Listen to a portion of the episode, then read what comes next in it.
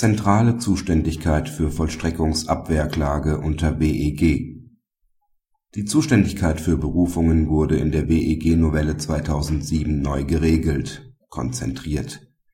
Diese gilt auch für Vollstreckungsgegenklagen wegen eines Kostenfestsetzungsbeschlusses.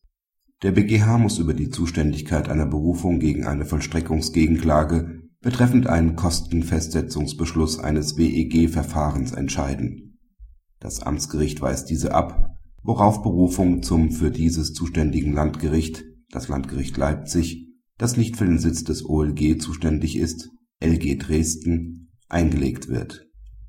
Der BgH hält die Zuständigkeit nicht für gegeben. Auch hinsichtlich einer Vollstreckungsgegenklage, die ein eigenes Verfahren darstellt, sind wegen der weiten Auslegung des Begriffs der wohnungseigentumsrechtlichen Streitigkeit in § 43 WEG die neuen Bestimmungen anzuwenden, folglich auch § 72 Absatz 2 Satz 1 GVG.